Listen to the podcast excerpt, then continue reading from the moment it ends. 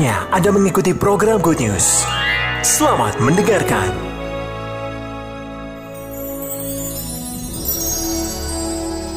Shalom. Mari kalian saya ajak saudara yang diberikan oleh Tuhan hati. Di mana keputusan itu bukan dari siapa yang lain. Hati yang kita miliki mau ke arah ke mana. Itu keputusannya ada pada kita. Jangan keraskan hati. Berbaliklah kepadanya.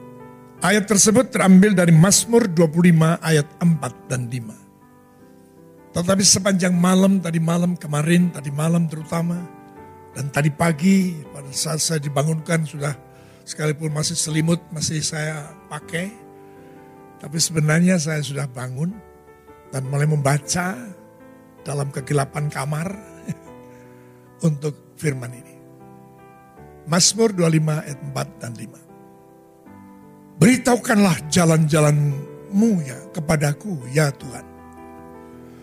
Tunjukkanlah itu kepadaku. Bawalah aku berjalan dalam kebenaranmu.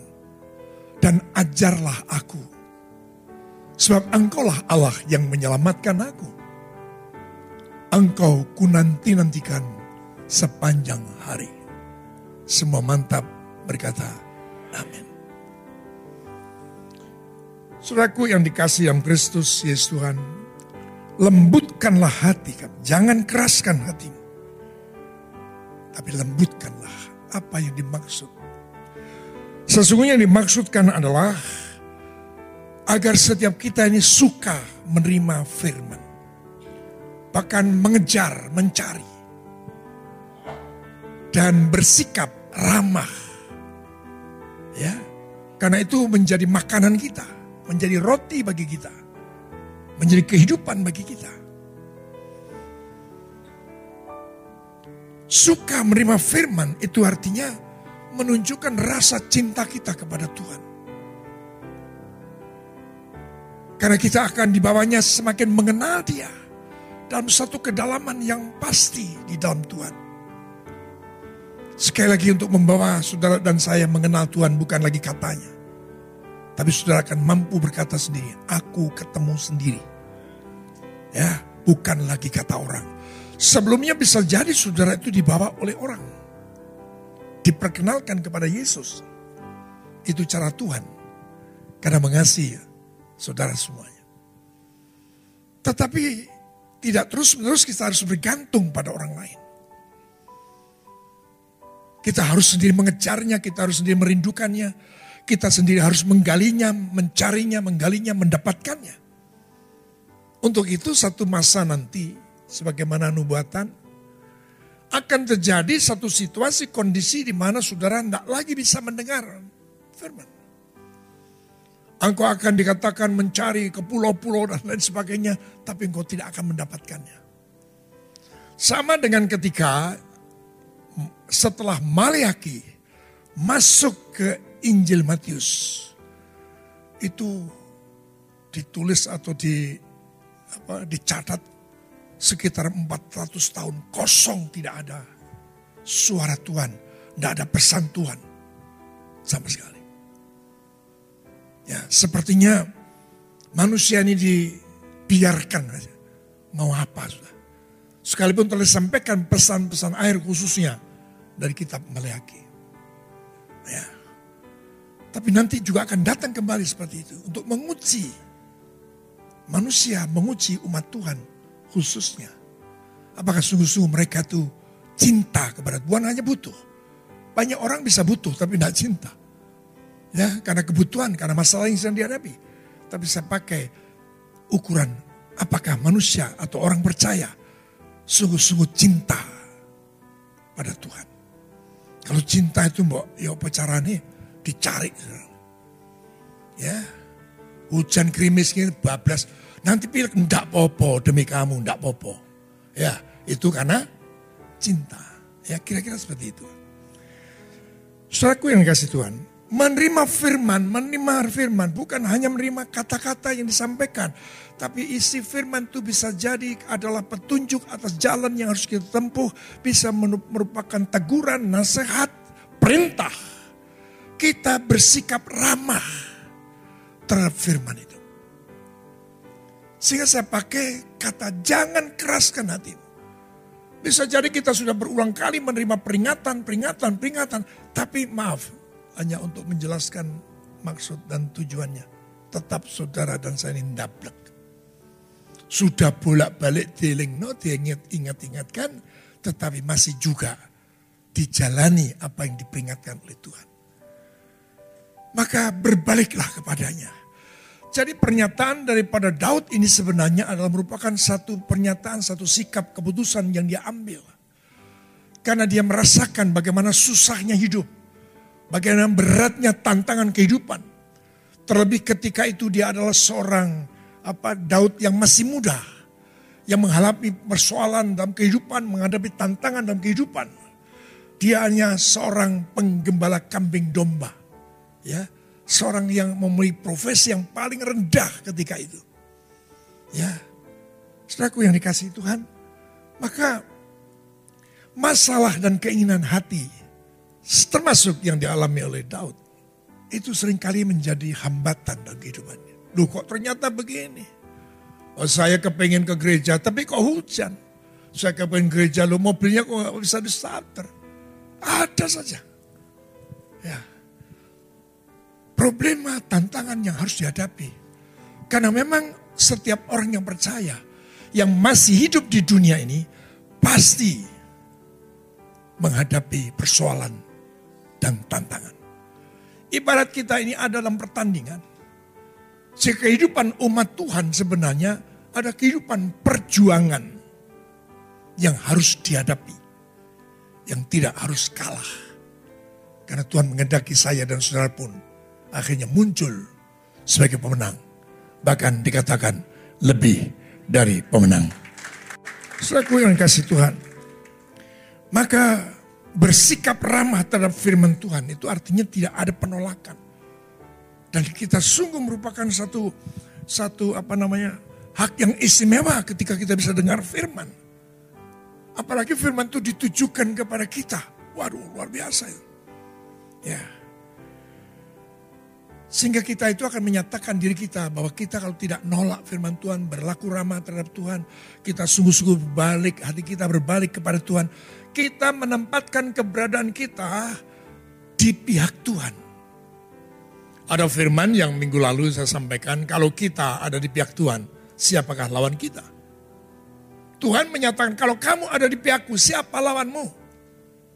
Tapi pertanyaannya, apakah saya dan saudara mengambil keputusan untuk hidup di pihak Tuhan? Kalau saudara mengambil keputusan untuk hidup di pihak Tuhan, saudara pasti tidak akan pernah menolak firman. Tepuk tangan dulu bagi Tuhan Yesus. Ya.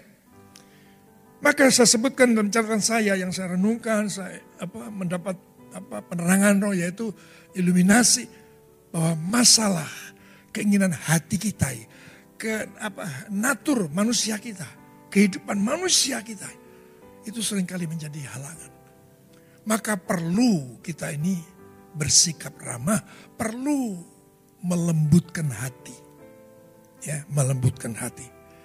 Karena apa saudaraku yang dikasih Tuhan? Kalau kita belajar tentang firman yang terambil dari kitab uh, Mazmur atau Daud ini, kita tidak bisa lepas dari kehidupan Daud. Karena kehidupan Daud itu telah dimetrai, dikanon, menjadi kebenaran. Menjadi contoh kehidupan yang berkenan di hadapan Tuhan bukan tanpa dosa, bukan tanpa salah, bukan tanpa pelanggaran. Daud pun mengalami ketiganya. Tetapi kita akan belajar di Daud bagaimana Daud kok tetap saja hidupnya berkenan di hadapan Tuhan. Mari berikan tepuk tangan. Haleluya. Sehingga saya katakan pengalaman hidup Daud ini telah dijadikan kisah yang mendatangkan perkenanan Tuhan. Sampai-sampai kalau saya pernah membaca dalam kisah perasul, itu dikatakan di sana ada, aku telah menemukan Daud ben Isai, seorang yang berkenan di hatiku. Wow. Diam-diam saya baca ayat itu Tuhan, aku ya kepengen untuk mendengar pernyataan itu. Bahwa engkau berkenan, aku berkenan di hatimu. Itu bagi saya sudah segala-galanya dah. Ya, orang makan opo dan sebagainya, ndak punya apa, ndak masalah wes. Ya, kalau Tuhan sampai memberi pernyataan seperti itu luar biasa dah.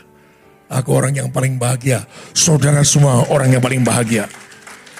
Perhatikan perkenanan Tuhan ini. Ya. Setelah Saul disingkirkan, Allah mengangkat Daud menjadi raja mereka. Tentang Daud, Allah telah menyatakan, Aku telah mendapat Daud bin Isai, seorang yang berkenan di hatiku, yang melakukan segala kehendakku. Jadi untuk berkenan ternyata ada kriterianya. Melakukan kehendaknya.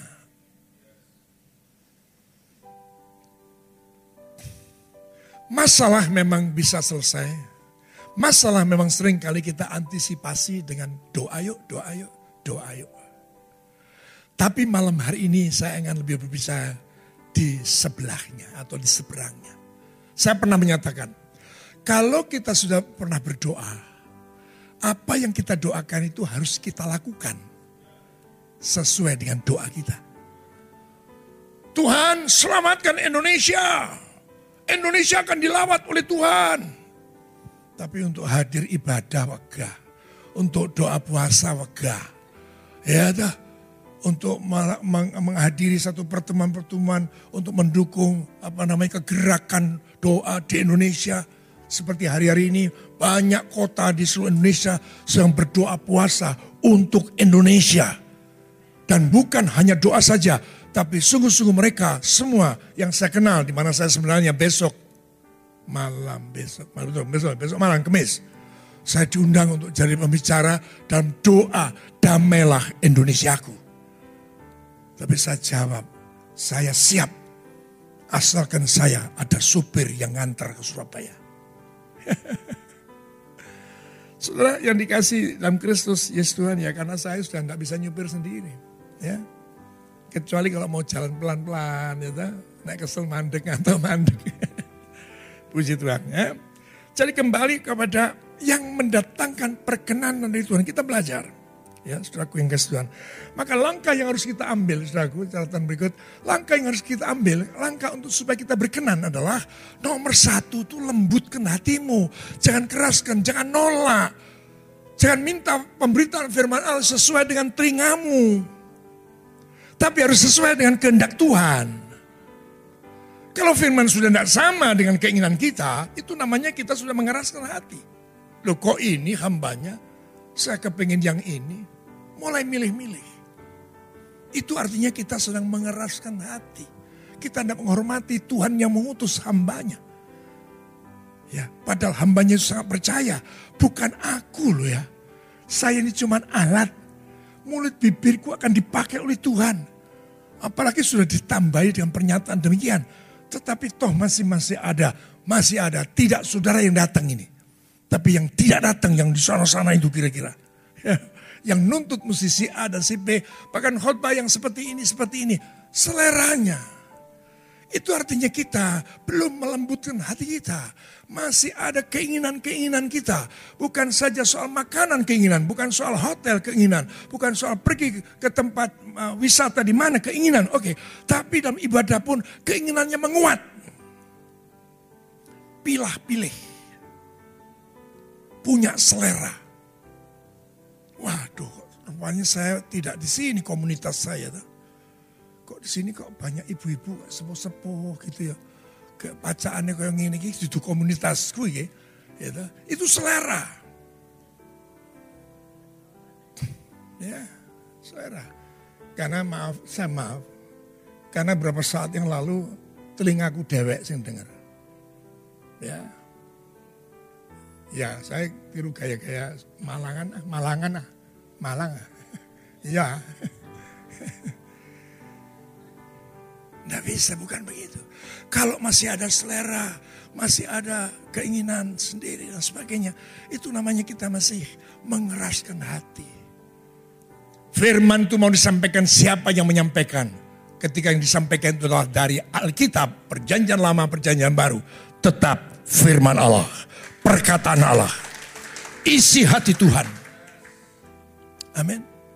Maka saudaraku yang dikasih Tuhan, sehingga saya baca ulang firman ini. Beritahukanlah jalan-jalanmu kepadaku ya Tuhan.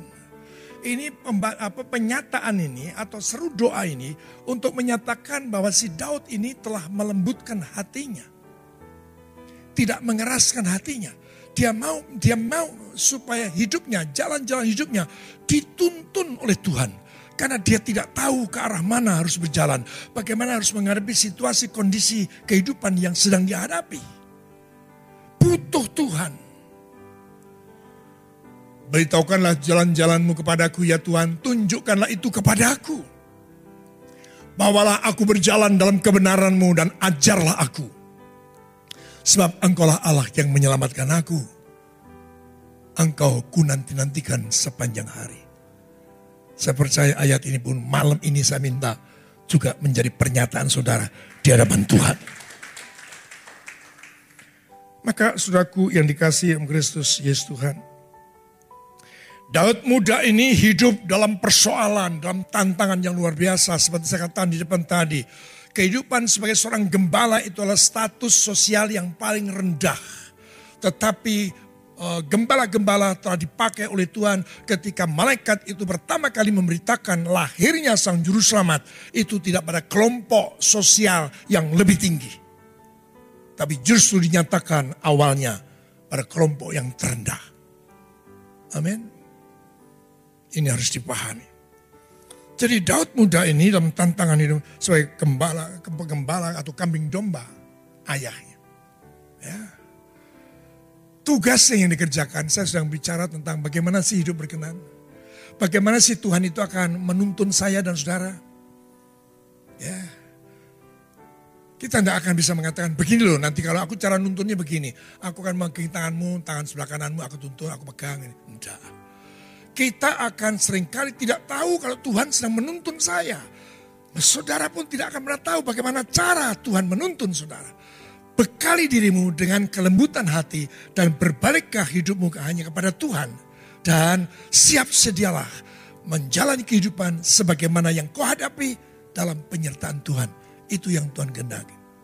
Ya, maka saudaraku yang dikasih Tuhan, Daud yang tidak pernah berdoa untuk menjadi raja Israel dan kesusahan hidupnya Daud sebagai gembala dan kambing domba itu dirasakan benar. Jadi sebenarnya ketika dia berdoa seperti itu, itu hanya mikir, bagaimana ya, karena dia sudah tahu kalau aku akan diangkat jadi raja, aku akan jadi, enggak. Menghadapi kehidupan sehari-hari itu loh, dia butuh Tuhan. Dia tidak pernah mikir akan jadi raja. Dia tidak pernah tahu kalau akhirnya dia jadi raja. Pegang baik-baik ini. Sedikit saya ketika di seberang, saya tidak pernah berpikir bahwa saya akhirnya jadi orang Kristen. Ketika saya mengambil keputusan saya menjadi seorang Kristen, saya tidak pernah mikir apakah itu dalam jangka pendek atau kalau dalam jangka panjang dan sebagainya. Bahwa saya akan jadi gembala sidang. Tidak pernah. Belas. Wong jadi Kristen bebas puas luar biasa kok. Saya kagum luar biasa Eh, dari kegelapan menuju kepada terang yang ajaib kok. Ah, doa didengar, pemulihan terjadi, kesembuhan, apa kesehatan terjadi. Itu sudah matur nuwun banget ya. Tidak pernah mikir. Saya sedang berbicara tentang bagaimana kita harus hidup berkenan di hadapan Tuhan dan merelakan diri kita dituntun oleh Tuhan. Bawalah aku Tuhan berjalan dalam kebenaran. Amin. Maka saudaraku yang dikasih Tuhan, yang dia lakukan hanyalah tugasnya sebagai gembala kambing. Itu dikerjakan dengan setia. Sehingga ketika dipanggil pun dia sedang melakukan kerja. Ketika si hambanya Samuel akan mengurapi anak-anak Isai, itu kedapatan si Daud ini masih di ladang. Sedang bekerja. Perhatikan, tangkap. Untuk berkenan kepada Tuhan, untuk saudara nyata dituntun Tuhan lakukan pekerjaanmu dengan setia. Sekali lagi sering kali saya sampaikan ojo suka wirawiri merono merene kaya wong sibuk ini orangnya ndak opo-opo. Ya. Lakukan. Konsentrasi betul, fokus. Kerjakan. Nggak bisa ini pekerjaan saya. Saya harus selesaikan dulu. Jadi dengan setia. Sementara talenta yang diberikan oleh Tuhan kepada Daud yaitu metik keca, kecapi. Itu pun dilakukan. Sehingga kehebatannya dia memain kecapi itu sampai didengar oleh orang-orang kerajaan. Ya, bukan hanya satu kali. Ya, para pemetik gitar di sini mana? Oke lah, ya, ya. Lakukan dengan setia. Tugas pekerjaan lakukan dan talenta lakukan dengan tekun. Nah itu talenta tak diberikan maksudnya hanya buat hebat-hebatan saja. Engkau disebut, oh Pak Edi ini pinter main gitar, main, main biola, oh dapat piagam, tapi tidak pernah main. Piagam itu, orang percaya, delon piagamku. Aku Pak, kepengen ruh Pak Edi, pengen suara biola. Bagaimana itu? Tidak perlu, yang penting kan piagam. Jadi jangan bangga dengan jabatan, jangan bangga dengan penyebutan orang. Bahkan apa yang dipercayakan Tuhan kepada saudara, jangan bangga. Tetapi untuk berkenan, lakukan semua itu dengan setia dan tekun. Berikan tepuk tangan. Saudaraku yang dikasih yang Kristus, Yesus Tuhan. Bahkan saya tambahkan tadi bahwa Daud itu tidak tahu kalau akhirnya dia diangkat menjadi raja. Dan Daud tidak pernah berdoa untuk menjadi raja atas Israel. Atas kesusahan hidupnya. ya Terus ya. Atas kesusahan hidupnya. ya Yang harus dialami sebagai gembala kambing domba. Hanya dia melakukan tugas itu dengan baik. Dikerjakan semuanya dengan setia. ya Dan saya akan mengatakan pada poin berikutnya adalah Tuhan tidak pernah memanggil orang, memberikan kepercayaan kepada orang yang kedapatan nganggur. Tidak pernah. Apalagi yang tidak enak yang harus kita dengar dengan telinga kita. Kedapatan kita males. Cerita, aku di gereja itu sebagai ini, sebagai ini. Tapi orang pernah nyambut gawe. Ya, tidak pernah melakukan. Tuhan tidak akan pernah memberikan pekerjaan, mempercayakan pekerjaan pada orang yang malas. Ya, pada orang malas, suka menganggur, tidak memiliki komitmen melakukan tugasnya. Kalau tidak salah kemarin dalam pertemuan Selasa, betul ya? Ya, oke. Okay. Saya menyampaikan tiga perkara. Ketika saya menyampaikan Yohanes 4 ayat 34. Ya, makananku ialah melakukan kehendak Bapa dan menyelesaikan. Untuk perkenanan seperti ini dibutuhkan tiga perkara. Satu karakter, dua komitmen, tiga kompetensi. Bisa sudah sebut dengan 3C kalau mau pakai bahasa Inggris supaya lebih keren. Character dan apa? Komitmen dan kompetensi. Tapi Indonesia 3K. Ya. Komitmen, karakter, komitmen dan kompetensi. Kalau memang itu tugas kerjakan. Atau kamu mengerjakan karena kamu karena Tuhan tahu kau punya kompeten di bidang itu. Lakonon. Demikian juga dalam soal talenta tadi. Lak, jalani. Ah, sehingga saudaraku yang dikasih Tuhan. Tuhan menuntun dengan caranya dan tepat pada waktunya. Kita buka sekarang. 1 Samuel 16 ayat 16 sampai 19.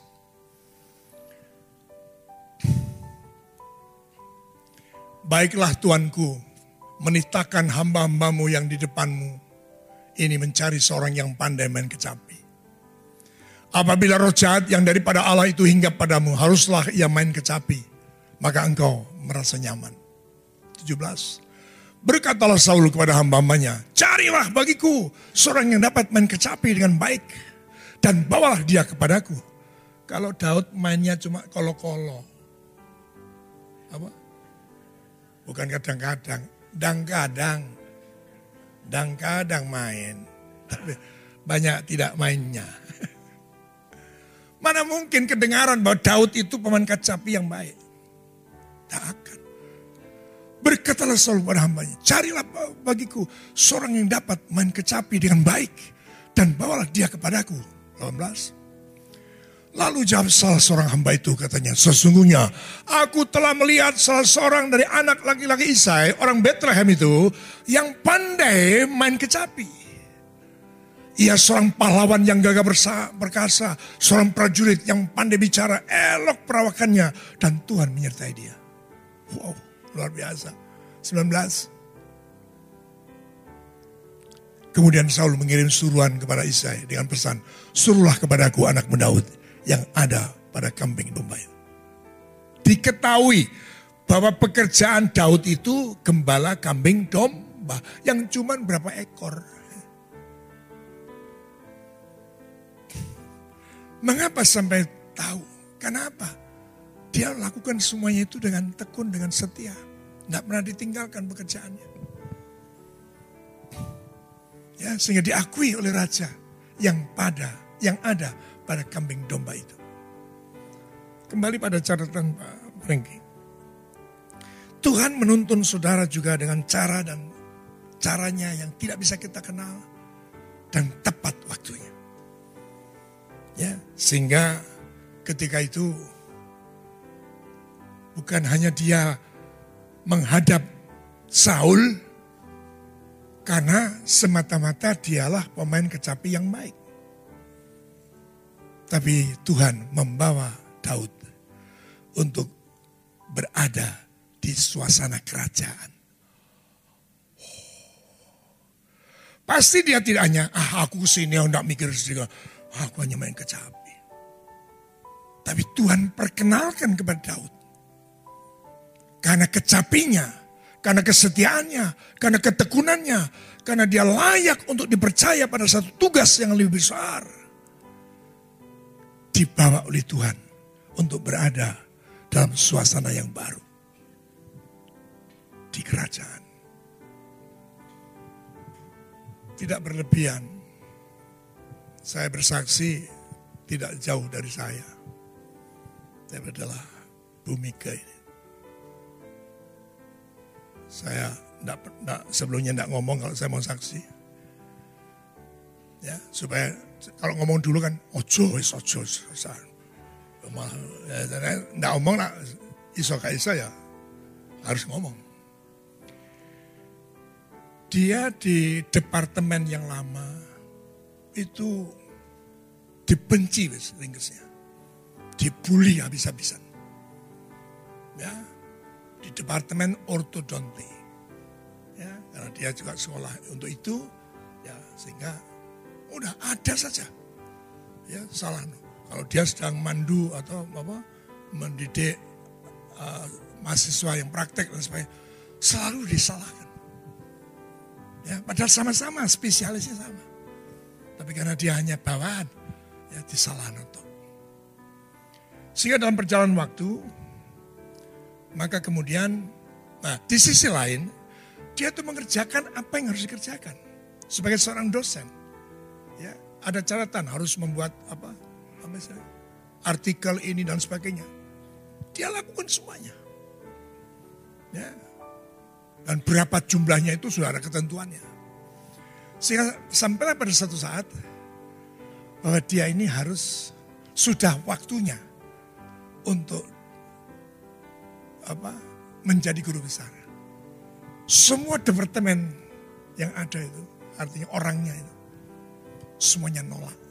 Kenapa? Syaratnya harus departemen menyetujui, menyetujui dulu. Baru akan prosesnya berlanjut. Tapi ada seorang di antara banyak orang tadi itu. Seorang itu saja yang setuju. Oh sudah, kalau dia ini layak sudah. Karena dia sudah ini, sudah ini, sudah ini, sudah ini. Layak dia ini. Nah, karena terjadi semacam itu, maka apa? Nah ini juga ada ditandai dengan apa? Ketika itu dia pulang dengan nangis. Kenapa? Tahu-tahu dipindah dia tempatnya. Direktorat. Yang tidak ada hubungannya dengan klinik, tidak ada hubungannya. Tahu-tahu disebutkan sebagai seorang anggota senat di situ. Jadi saya pelunga-pelunga tidak ngerti. Rapat ini rapat topo. Saya mesti ngomong apa. Tidak tahu apa-apa. Istilahnya sama dengan pelunga, pelunga-pelunga. Tapi justru dia dipindah ke sana. Nggak, dia tidak tahu kalau dari cara Tuhan.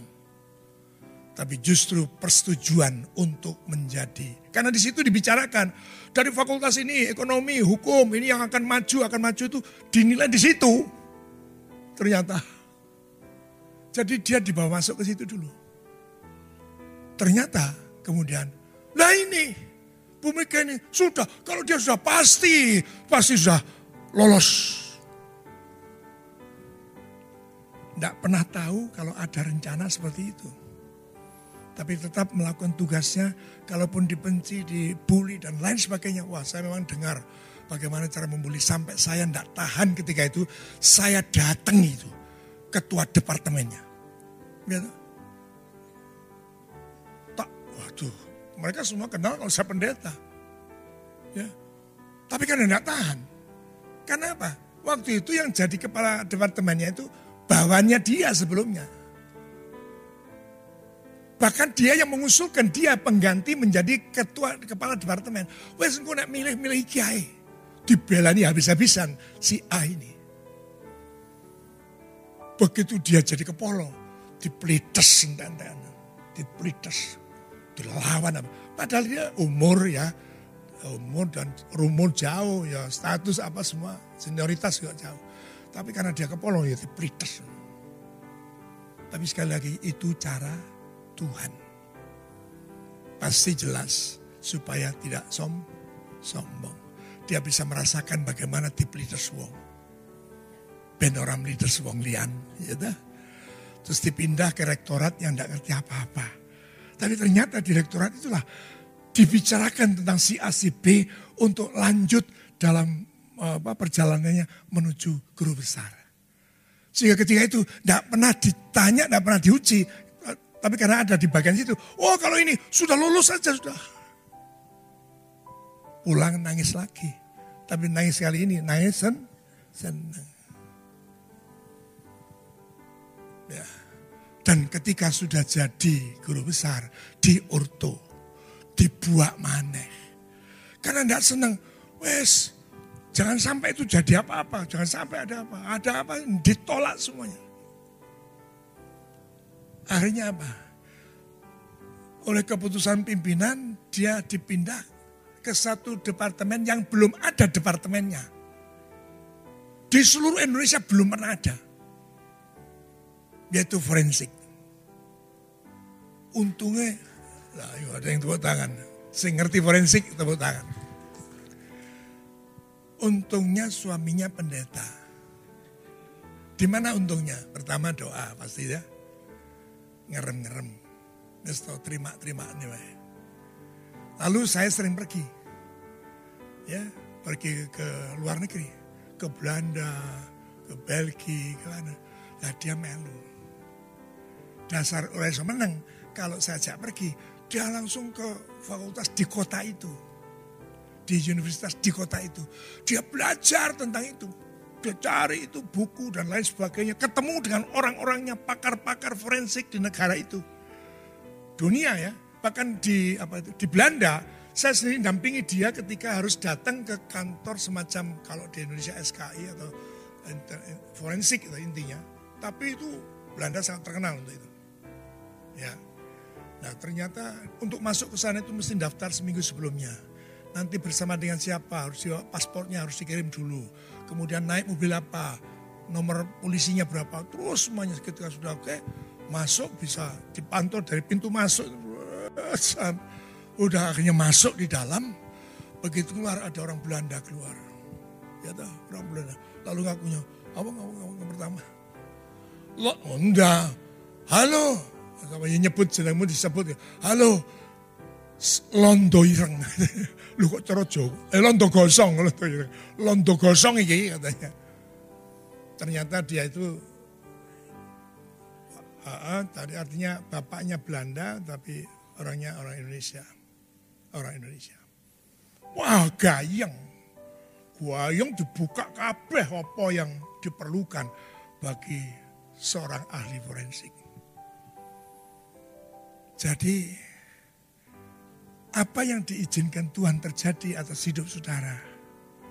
sebenarnya itu dalam rangka Tuhan menuntun saya dan saudara. Sekalipun saudara tidak tahu terlebih dahulu, bukankah kepada Abraham dia berkata, aku akan membawa kamu ke satu negeri yang akan kutunjukkan kepadamu. Tidak diberitahu. Tapi Abraham taat, tunduk. Amin. Sama dengan Daud. Ketika Daud dipanggil hanya untuk main kecapi. Bukan soal kecapinya sekarang. Tapi dia mengetahui suasana kerajaan ketika itu. Lebih lagi ketika itu. Ternyata cara Tuhan. Setelah dia main kecapinya bagus dan lain sebagainya. Ternyata akhirnya dia diangkat menjadi pembawa senjata dari Raja Sa. Naik lagi. Hanya karena kecapi Makanya lo ya, eh pemain-pemain musik ini, main musik kena. Gitu. Supaya diangkat Tuhan tinggi-tinggi. Ya, dan harus diangkat tinggi-tinggi, tetap cekelan karu gusti, gandol gusti. Nerang kue keceblok. Gitu. Diangkat tinggi orang cekelan gusti, ceblok gitu. Ya. Ada cara Tuhan yang tidak bisa kita ngerti. Ya, sehingga kita baca sekarang ayat yang ada di satu ayat 20, 19, oke, oke 90-nya. Lalu Isai mengambil seekor keledai yang dimuati roti, sekirbat anggur, dan seekor anak kambing. Lalu dikirimkannya lah itu kepada Saul dengan perantaran Daud anaknya. Ya ini ada timur lah sudah dipanggil orang datang polosan tidak bawa tangan hampa ya. Tapi sebagai warga dia bawa ya persembahan lah seperti itu. Tapi bukan arahnya pada persembahannya. Oke 21 demikianlah Daud sampai kepada Saul dan menjadi pelayannya. Saul sangat mengasihinya dan ia menjadi pembawa apa? Senjatanya. Dua-dua Sebab itu Saul menyuruh orang kepada Isai mengatakan, biarlah, berikanlah Daud tetap menjadi pelayanku. Sebab aku suka kepadanya. Gara-gara Saul jadi ODGJ, jadi wong gending gitu. Dia pemain kecapi, ya. Jadi lakonnya saya pindah, bukan hanya Saul lagi. Yang jadi lakon adalah Daud dipanggil karena kecapinya, karena zaman kecapi, roh jahat minggat, gitu. Dan kemudian karena kesetiaannya melakukan pekerjaannya, dia diangkat menjadi pembawa senjata raja. Bahkan ofisial ngomong sama ayahnya, biarkan Daud ikut aku. Sebab aku suka kepadanya. Diangkat oleh Tuhan. Saudara yang dikasih Tuhan kembali pada catatan Pak Franky. Ya, lanjut. Tuhan menuntun Daud sesuai dengan seruan doanya. Tanpa disadari oleh Daud. Yang semula dia juga hanya mengantar makanan untuk kakaknya di medan perang. Ada kisah lagi. Ya, ternyata justru dengan membawa makanan untuk kakaknya. Karena dia tunduk sama ayahnya. Dia mau diperintahkan. Ya, dia tidak kemudian nawar sama bapaknya. Wah ini perang loh. Anak-anak apa-apa saya kan gimana? Ya pastilah. Tentara masa nggak dikasih makan. Nggak nolak. Pokoknya dia pergi. Kita baca aja ayatnya. Samuel 17 ayat 12 sampai 20. 17. Daud adalah anak seorang Efra, dari Efrata, dari Bethlehem Yehuda yang bernama Isai. Isai mempunyai delapan anak laki-laki. Pada zaman Saul orang itu telah lanjut, eh, telah tua dan lanjut usianya. Ketika anak Isa yang besar-besar telah pergi berperang mengikuti Saul, nama ketiga anaknya yang pergi berperang itu adalah Eliab, anak sulung. Anak yang kedua ialah Abinadab, dan yang ketiga adalah Syama. Daudlah yang bungsu. Jadi ketiga anak yang besar-besar itu pergi mengikuti Saul. Tetapi Daud selalu pulang daripada Saul untuk mengembalakan domba ayahnya di Bethlehem.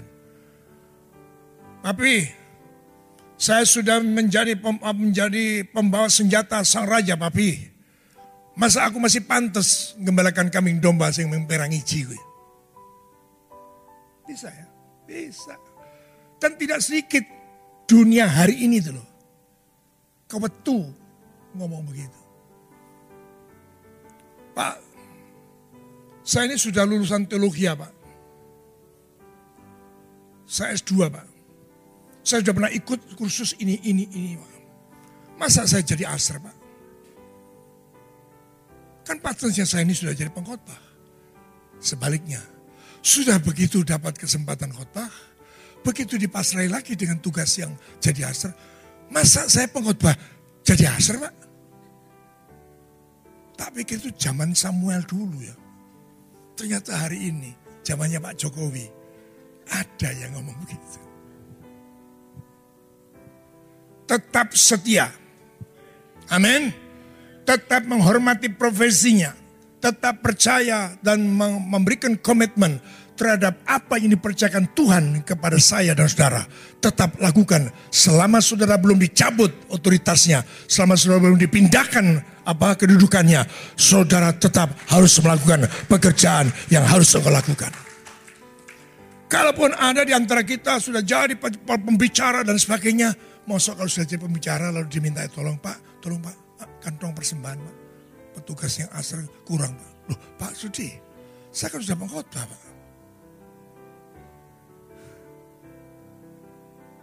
Ya, saya harap itu tidak akan terjadi. Kita semuanya sedang dituntun oleh Tuhan menuju kepada rencana dan kehendaknya. Tepuk tangan bagi Tuhan Yesus. Orang Filistin itu mendekat pada waktu pagi hari dan petang hari. Demikianlah tampil ke depan 40 hari lamanya. 17. Ya, saya berkata kepada Daud anaknya, ambillah untuk kakak-kakakmu bertih gandum, ini sefa dan roti sepuluh ini. Bawalah cepat-cepat ke perkemahan kepada kakak-kakakmu. Dan baiklah sampaikan keju yang sepuluh ini kepada kepala pasukan seribu. Tengoklah apakah kakak-kakakmu selamat dan bawalah palang uh, pulang suatu tanda dari mereka sudah jadi gembala, sudah jadi penghibur atau apa dari sang raja, pemantik kecapi bagi raja, sudah naik jadi pembahas senjata, tapi dia tetap melakukan tugasnya sebagai gembala kambing domba. Sekarang ditambah lagi disuruh bawa makanan untuk makanan kakak-kakaknya dilakoni. Karena target yang Tuhan kendaki, Daud berkenan di hadapan Tuhan target yang Tuhan tahu, eh, yang Tuhan yang mau-mau tahu terhadap saya dan saudara berkenan di hadapan Tuhan. Lakukan semua segala sesuatu yang dipercayakan kepadamu. Ya, bukan berarti lo kok aku nah, lo kok aku nah, iki aku, iku aku, lah iki ya aku, lah aku ki siapa? Saya sering kali berkata, kalau saudara sudah bagus melalui satu A atau satu kegiatan, terus bagus, jangan heran kalau engkau diberikan percayaan B. Tambah lagi, tambah.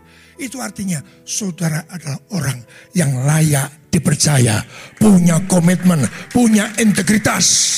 Lakonono, jangan mandek.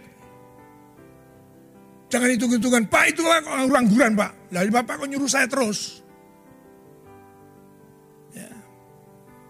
Saya selalu menjawab dalam hati saya, aku suka dengan kamu.